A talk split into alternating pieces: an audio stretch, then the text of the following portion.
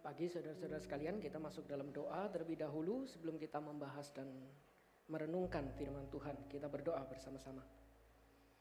Bapak dalam surga kami mengucap syukur jika di tengah-tengah pandemi Engkau masih boleh memberikan kami kesempatan sehingga kami boleh melakukan protokol dan kami boleh tetap bertemu secara fisik karena ini adalah satu kerinduan kami.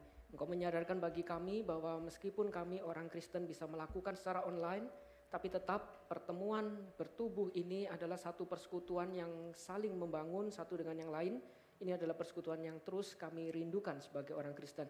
Karena itu Bapak pada hari ini ketika kami datang maupun kami yang berada di rumah, kiranya Engkau boleh terus menyapa kami, memperlengkapi kami, mengarahkan kami dengan firman-Mu, karena itu kami mohon pimpinan-Mu. Pakailah hambamu dengan segala keterbatasan untuk kami boleh sama-sama belajar firman Tuhan dan dibentuk oleh firman Tuhan.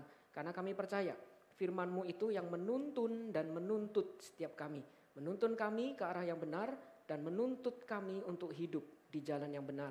Inilah doa dan permohonan kami yang kami panjatkan di dalam nama Yesus Kristus. Amin. Silakan duduk untuk rekan-rekan saudara-saudari yang ada di tempat ini. Hari ini tema yang diberikan pada saya adalah A Roman Soldier and Crown of Thorns. Jadi bagaimana ini diambil dari Matius pasal 27 ayat 27 sampai 31. Ini yang akan menjadi pembahasan kita pada hari ini. Saya akan bacakan di dalam ayat ini terlebih dahulu sebelum kita merenungkan bersama-sama. Matius pasal 27 ayat 27 sampai 31. Matius 27 ayat 27 sampai 31 dengan tema kita A Roman Soldier and Crown of Thorns. Demikian firman Tuhan. Kemudian serdadu-serdadu wali negeri membawa Yesus ke gedung pengadilan lalu memanggil seluruh pasukan berkumpul sekeliling Yesus. Mereka menanggalkan pakaiannya dan mengenakan jubah ungu kepadanya. Mereka menganyam sebuah mahkota duri dan menaruhnya di atas kepalanya. Lalu memberikan dia sebatang buluh atau tongkat pendek di tangan kanannya. Kemudian mereka berlutut di hadapannya dan mengolok-olokkan dia. Katanya, salam hai raja orang Yahudi. Mereka meludahinya dan mengambil bulu itu dan memukulkannya ke kepalanya. Sesudah mengolok-olokkan dia, mereka menanggalkan jubah itu daripadanya dan mengenakan pula pakaiannya kepadanya. Kemudian mereka membawa dia keluar untuk disalibkan. Demikian firman Tuhan yang kita baca pada hari ini. Nah saudara-saudara jika kita melihat di bagian ini, bagian ini banyak sekali diperdebatkan karena menurut beberapa orang ini diragukan sebenarnya keabsahannya. Mengapa? Karena dianggapnya untuk apa orang-orang prajurit Romawi itu melakukan hal semacam ini. Ini adalah sesuatu yang iseng yang sebenarnya tidak perlu dilakukan. Apakah ini adalah satu bagian yang betul terjadi atau ini cuma melebih-lebihkan? Kalau kita melihat di dalam sejarah, sebenarnya banyak sekali dilakukan saat itu. Memang setelah orang itu dihukum vonis mati, lalu menunggu orang itu akhirnya menyambut atau melakukan hukuman mati tersebut, biasanya di tempat menunggu itu, di situlah ada ruang, di situlah ada waktu untuk orang-orang prajurit Romawi itu biasanya mengolok-ngolok tahanan. Apalagi tahanan yang sangat kontroversial seperti Yesus itu sendiri. Karena Yesus itu seperti yang kita tahu, dia mengaku adalah raja. Dan raja, saya rasa kita punya bayangan raja itu sedikit mirip, tapi ada hal yang kita lupa tentang raja zaman dulu dengan raja zaman sekarang. Kalau raja zaman sekarang betul berkuasa, betul raja itu adalah pemimpin, tapi raja zaman sekarang itu tidak bisa seenaknya seperti raja zaman itu. Raja zaman sekarang kalau dia menindas rakyatnya terlalu hebat, terlalu kuat, pasti rakyatnya demo.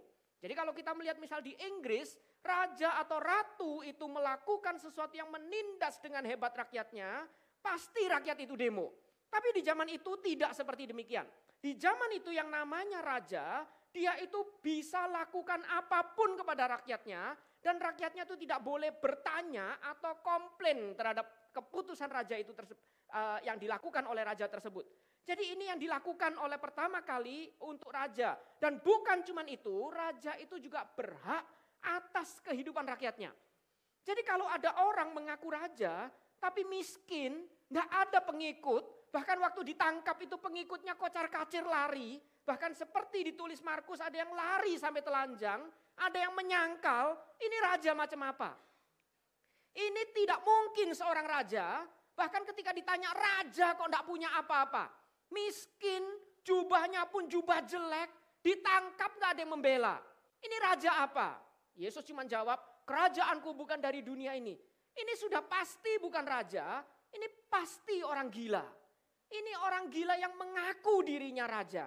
Karena itu di dalam sejarah itu banyak sekali ditulis, banyak orang tuh melecehkan kalau ada orang gila sebelum dihukum mati, biasanya itu di ruangan itu dihina, dilecehkan, dibuat satu drama untuk dia itu mengaku apa? Kita ledek, nih loh kamu. Jadi di dalam bagian ini, ini adalah kejadian yang memang pasti terjadi. Mereka ingin membuat satu drama dan menunjukkan kamu ngaku raja, ini loh kalau kamu jadi raja seperti ini. Dia menghormati, menghina, mengolok-olok Yesus karena dianggapnya ini orang gila yang ngaku dirinya raja. Kalau betul raja, mana pasukanmu? Kalau benar raja, mana pengikutmu? Bahkan kamu ditangkap, tidak ada yang membela. Kamu bahkan diperlakukan sampai hukuman mati vonis, nunggu berangkat ke, ke Golgota untuk disalib, tidak ada satupun yang membela dia. Jadi ini satu hal yang dilakukan untuk menghina karena Yesus itu dianggap orang gila. Tapi pertanyaannya, jika ini memang betul ditulis sesuai kejadian faktanya, untuk apa Matius menuliskan ini? Kita tahu Matius itu ditujukan terutama adalah untuk orang-orang Yahudi yang punya latar belakang Yahudi yang kemudian itu menjadi Kristen. Karena itu Matius dari awal dia menuliskan di dalam pasal 1 itu langsung dia memakai sebuah simbol untuk orang Yahudi itu sadar bahwa Yesus yang datang ini sungguh-sungguh sesuai apa yang dinubuatkan di dalam perjanjian lama. Karena itu di dalam pasal 1 ayat 1 sampai 17, Matius langsung membuka itu dengan silsilah Yesus yang bukan berbicara silsilah sebenarnya. Dia menekankan satu angka yang kita tahu itu adalah angka Daud yang dikenal dengan istilah gematria. Yaitu 14, itu angka Daud karena dulu itu nama orang itu hurufnya diubah jadi angka.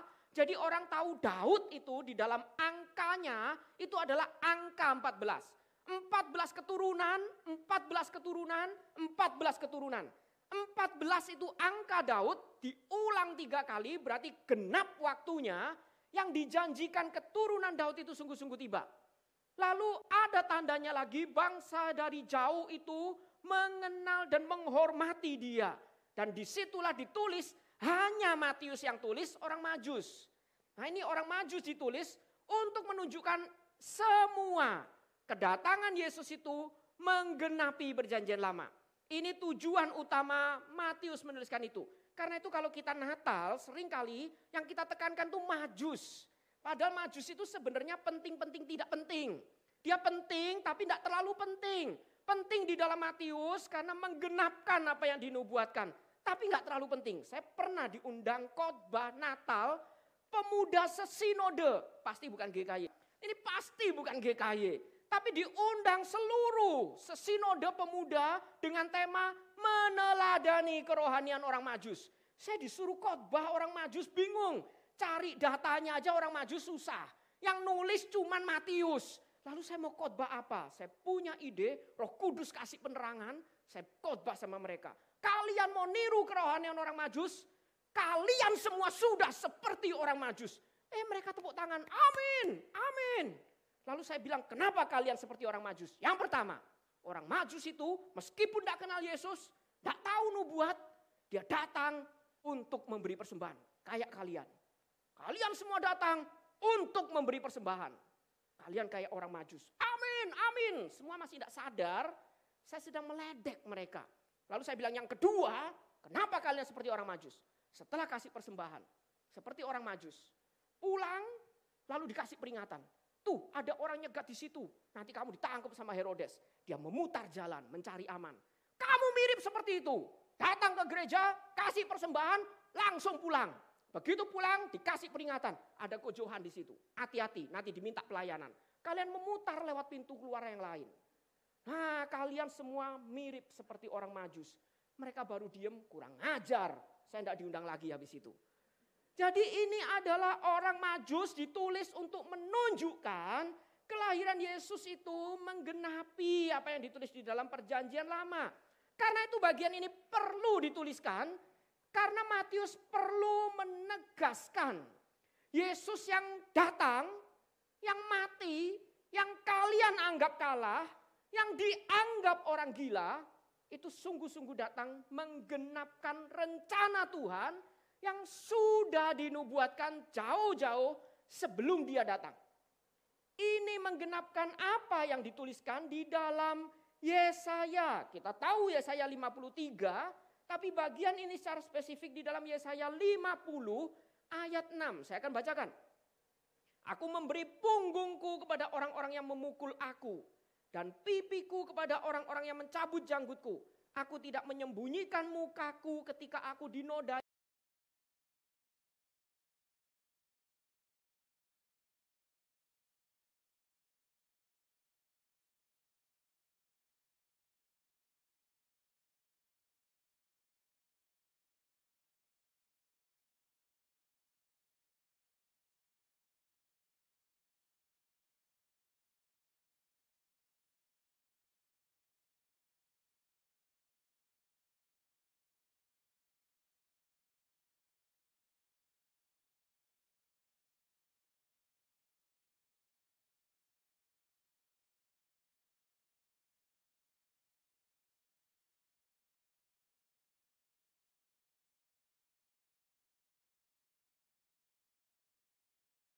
sekedar bagian ini, tapi dia menuliskan itu dengan kiasmus.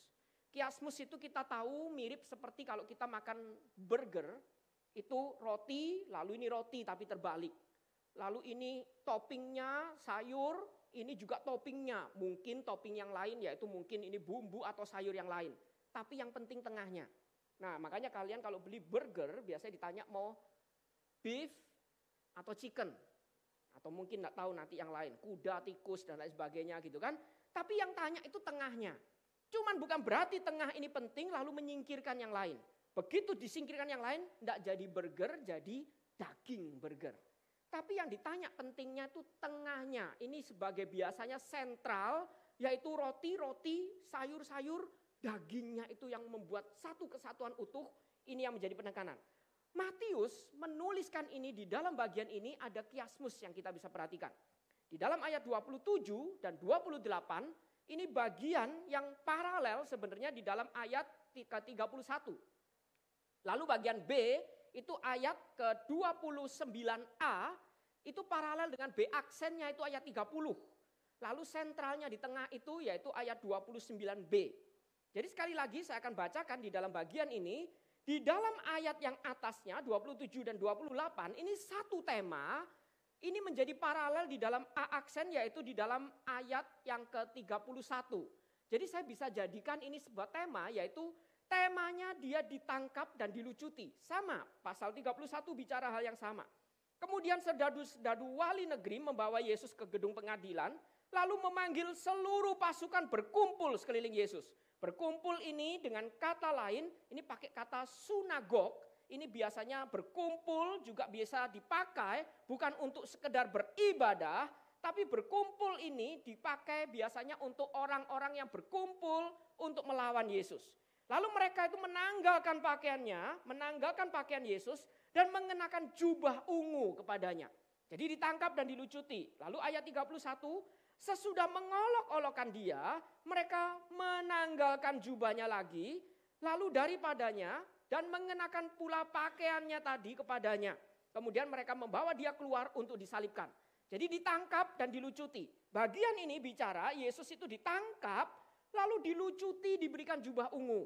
Jubah ungu itu adalah jubah yang saat itu tidak banyak orang bisa membuat kain berwarna ungu. Ini campurannya khusus dan itu sangat mahal. Kemungkinan ini bekas jubah pegawai yang mungkin sudah rusak dan lain sebagainya ditinggal itu dipakaikan kepada Yesus. Satu hal ini dipakai untuk menghina Yesus, tapi di lain pihak justru ini dipakai untuk kita bisa mempelajari sesuatu. Di mana B itu juga bicara hal yang berikutnya lagi, mahkota duri dan dipukul dengan buluh, itu paralel dengan ayat 30 yaitu sama juga bicara tentang mahkota duri. Saya akan bacakan 29a Mereka menganyam sebuah mahkota duri dan menaruhnya di atas kepalanya. Lalu memberikan dia sebatang bulu di tangan kanannya. Bagian ayat 30, mereka meludahinya dan mengambil bulu itu dan memukulkannya ke kepalanya. Kepala yang ada mahkota duri itu sekarang dia dipukul dengan bulu. Jadi dua bagian ini bercerita satu tema yang sama, mahkota duri dan satu tongkat bulu di tangan kanannya. Ini tanda seorang raja dengan kain ungu, mahkota, lalu tongkat. Mahkota itu dibuat dari duri untuk menunjukkan seolah-olah itu pancaran sinar mirip simbol raja saat itu yang digambarkan di koin-koin. Kalau kita lihat di koin-koin raja itu selalu kepalanya ada mahkota lalu ada pancaran sinarnya menunjukkan dia itu ilahi, dia itu bijaksana dan ini mirip seperti duri. Dan di situ dipakaikan mahkota duri untuk menunjukkan ini simbol, ini raja. Jadi seolah-olah mereka ingin menghina tapi mereka membuat satu simbol Yesus itu seolah-olah jadi tampil seperti raja. Tapi ini adalah ironi ironi yang memahkotai mereka, memberikan jubah, memberikan tongkat raja seolah-olah di tangan kanannya, justru orang yang untuk menghina dia. Dan bukan cuma itu, kemungkinan besar mahkota duri itu dipakai biasanya dibuat itu dari tanaman yang kemungkinan besar beberapa tafsiran mengatakan ini kemungkinan dipakai dari akar pohon palem. Pohon yang sama yang dicatat sebelumnya daunnya dipakai untuk menghormati Yesus, dielu-elukan sebagai raja ketika dia masuk Yerusalem. Sekarang dari pohon yang sama, tanaman yang sama, kita pakai untuk melukai kepalanya. Inilah yang dilakukan manusia. Bagian ini menceritakan satu hal betul menggenapi apa yang dinubuatkan. Tapi di lain pihak bagian ini menyadarkan kita di dalam penggenapan yang sedang dikerjakan oleh Yesus itu ada betapa banyak kejahatan yang dilakukan manusia termasuk melambangkan setiap kita.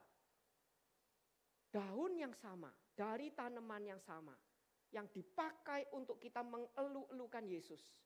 Sekarang kita pakai untuk melukai kepalanya. Bahkan pukul, ada mahkota durinya dipukul dengan bulu. Sama bukan? Mulut yang sama dipakai untuk mengatakan hosana, hosana.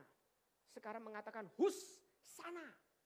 Hus sana pergi, saya tidak mau lagi kamu. Kamu cuman orang gila. Dulu berteriak hosana, selamatkan kami. Selamatkan kami. Lalu dia menyelamatkan kita dengan cara itu, sekarang kita usir dia. Kita anggap dia orang gila. Dan di situlah ditutup dengan dia disembah sebagai raja orang Yahudi. Ini hal yang ironi sekali berkali-kali dia itu disembah untuk dilecehkan. Tapi kita melihat satu bagian. Bagian ini sebenarnya satu kesatuan sampai ayat 50. Jadi saya bisa tuliskan seperti demikian. Di sampai ayat 50 itu ada empat bagian yang menjadi satu kesatuan. Di mana ini satu kesatuan memberikan kita satu hal yang ditekankan oleh Matius. Yesus itu sedang melakukan rencana penebusannya. Meskipun ironi demi ironi itu terjadi, tapi rencana penebusan itu tetap dilakukan sesuai apa yang direncanakan Tuhan. Ini bukan kesalahan, ini bukan salah perhitungan, ini bukan tidak berdaya, tapi ini sesuatu yang memang dia lakukan untuk menggenapi apa yang sudah dinubuatkan. Dan Matius mencatat yang tadi kita baca, yaitu bagian pertama, itu ada penghinaan atau penolakan dari manusia.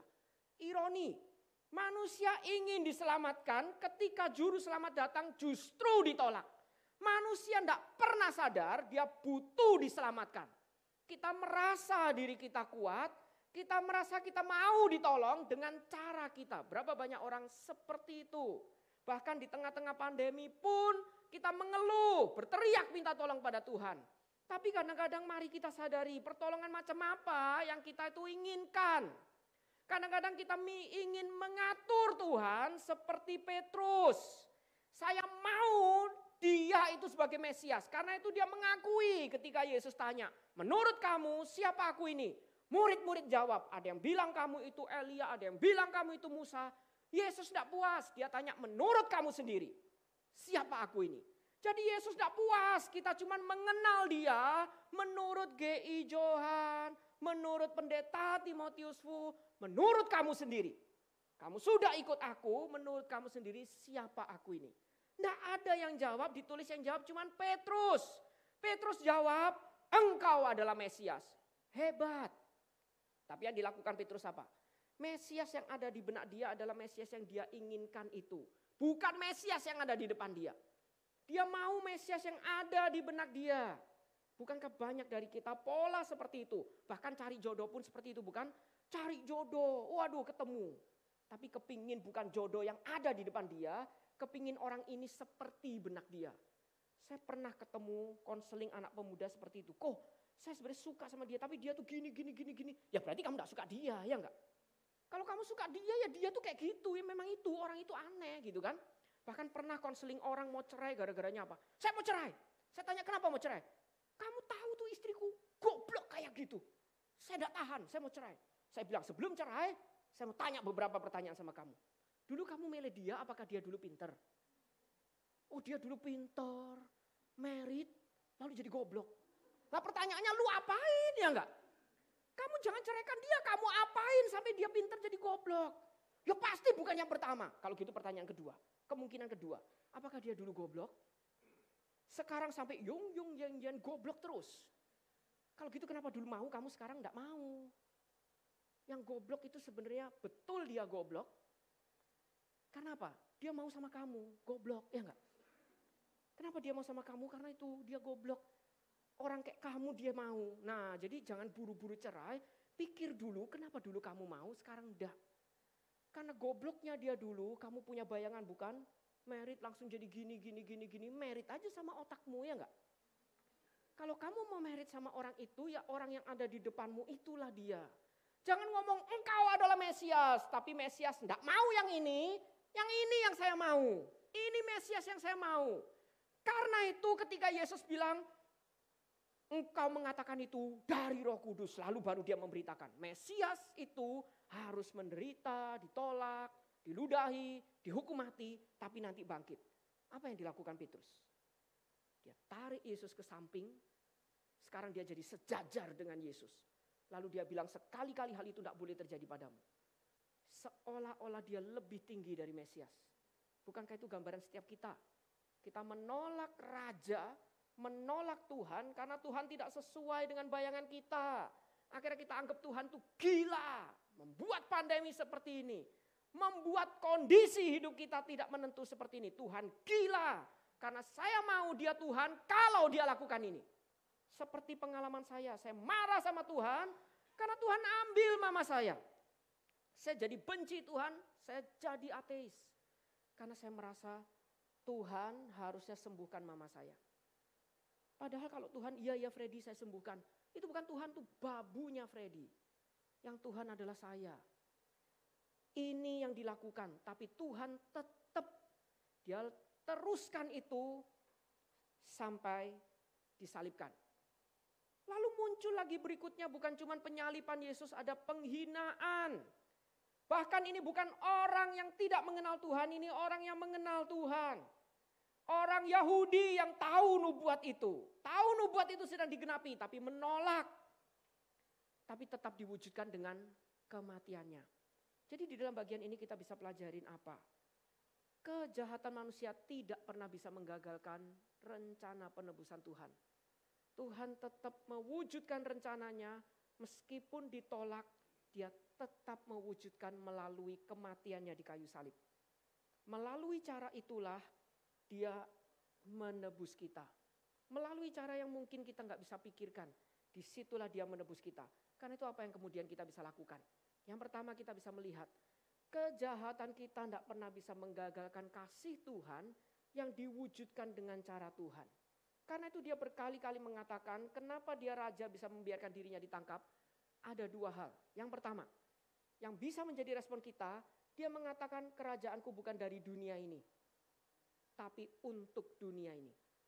Karena itu Yesus tidak membela, dia memberi dirinya disalib. Seharusnya respon kita sama, kerohanian kita, kita bukan dari dunia ini, tapi untuk dunia ini. Kalian bukan dari dunia ini, tapi untuk dunia ini. Ini yang pertama. Lalu bagaimana kita bisa untuk dunia ini? Yesus disalib bukan karena tidak berdaya atau kalah, ini penggenapan rencana Allah. Berarti dia berkorban, bukan dikorbankan. Ini dua hal yang beda. Bahasa Inggris ada dua hal yang beda, sacrifice bukan victim. Berapa banyak orang Kristen mental victim? Mental victim adalah kita cuma berteriak, kenapa? Kenapa ini? Kenapa itu? Kenapa pandemi tidak selesai-selesai? Mental berkorban adalah Tuhan ini memang tidak mudah, tapi arahkan aku untuk tetap lakukan kerjaanmu. Itu berkorban, bukan dikorbankan. Mari kita sama-sama melihat bagian ini. Bagian ini mengingatkan kita bahwa Yesus sedang menggenapi di tengah-tengah ironi, diolok dan ditolak. Tapi rencana salibnya tetap diwujudkan. Untuk apa? Mengajar kita. Dia berkorban untuk kita. Apakah kalian mau berkorban untuk dia? Kerajaannya bukan dari dunia ini tapi selalu untuk dunia ini. Apakah kita punya rohani yang seperti itu? Kita tidak boleh serupa dengan dunia tapi selalu ready untuk jadi berkat buat dunia. Ini yang harusnya kita lakukan, ini yang kita bisa pelajari. Rencana Tuhan tetap diwujudkan di tengah kejahatan manusia. Kesaksian kita tetap kita suarakan di tengah kondisi apa pun. Kita tundukkan kepala. Kita renungkan sejenak. Kita masuk di dalam doa. Sekaligus doa ini menjadi refleksi kita. Mengakui dosa-dosa kita.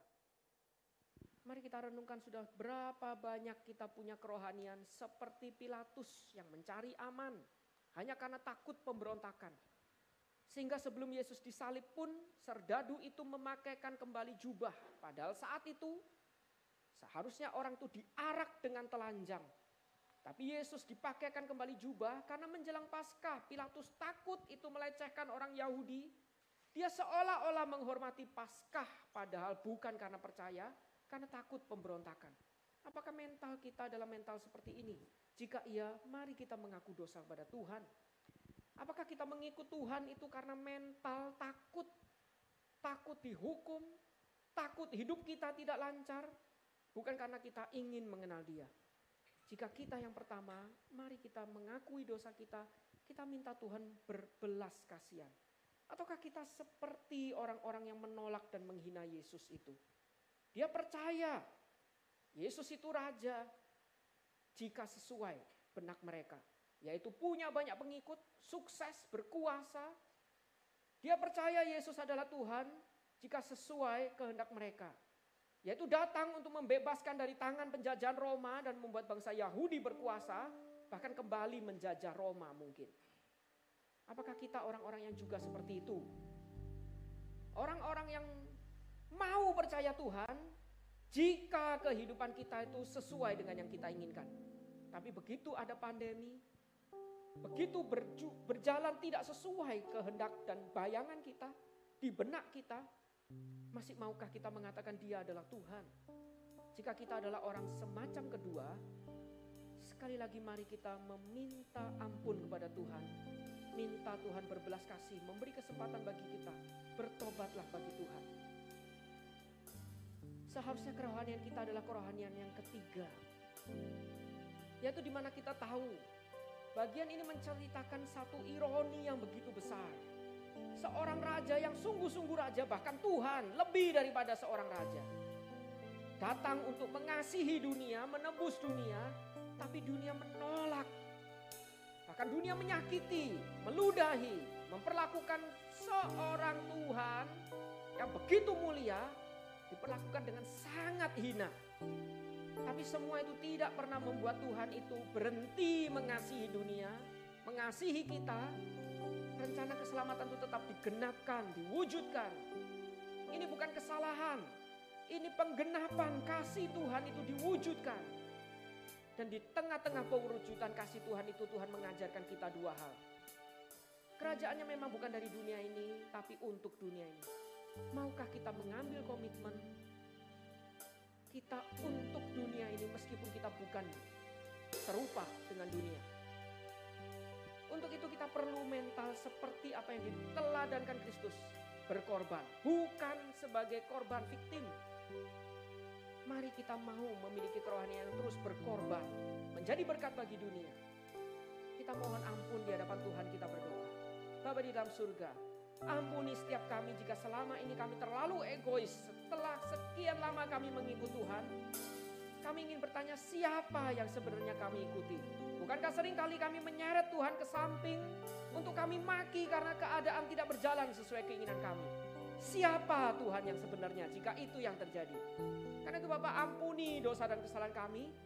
Dan kami ingin berkomitmen sekali lagi. Kami ingin menjadi umatmu yang sungguh-sungguh. Meneladani Kristus yang berkorban. Mengasihi meskipun mungkin sulit untuk dikasihi. Tapi kasih itu tidak pernah gagal. Jika kami kembali kepada sumber kasih. Kami akan sanggup mengasihi dengan cara seperti Kristus mengasihi kami. Menebus kami di tengah-tengah kejahatan itu diwujudkan sejahat-jahatnya tapi kasih Tuhan itu diwujudkan justru menggenapi rencana Tuhan yang kekal. Kami ingin meneladani kasih itu. Mampukan setiap kami kiranya pemuda jemaat di tempat ini boleh menjadi orang Kristen yang mengasihi Tuhan, bersaksi bagi Tuhan, bersaksi bagi sesama untuk memenangkan jiwa apa pun kondisi kami. Inilah doa dan permohonan kami yang kami panjatkan di dalam nama Yesus Kristus.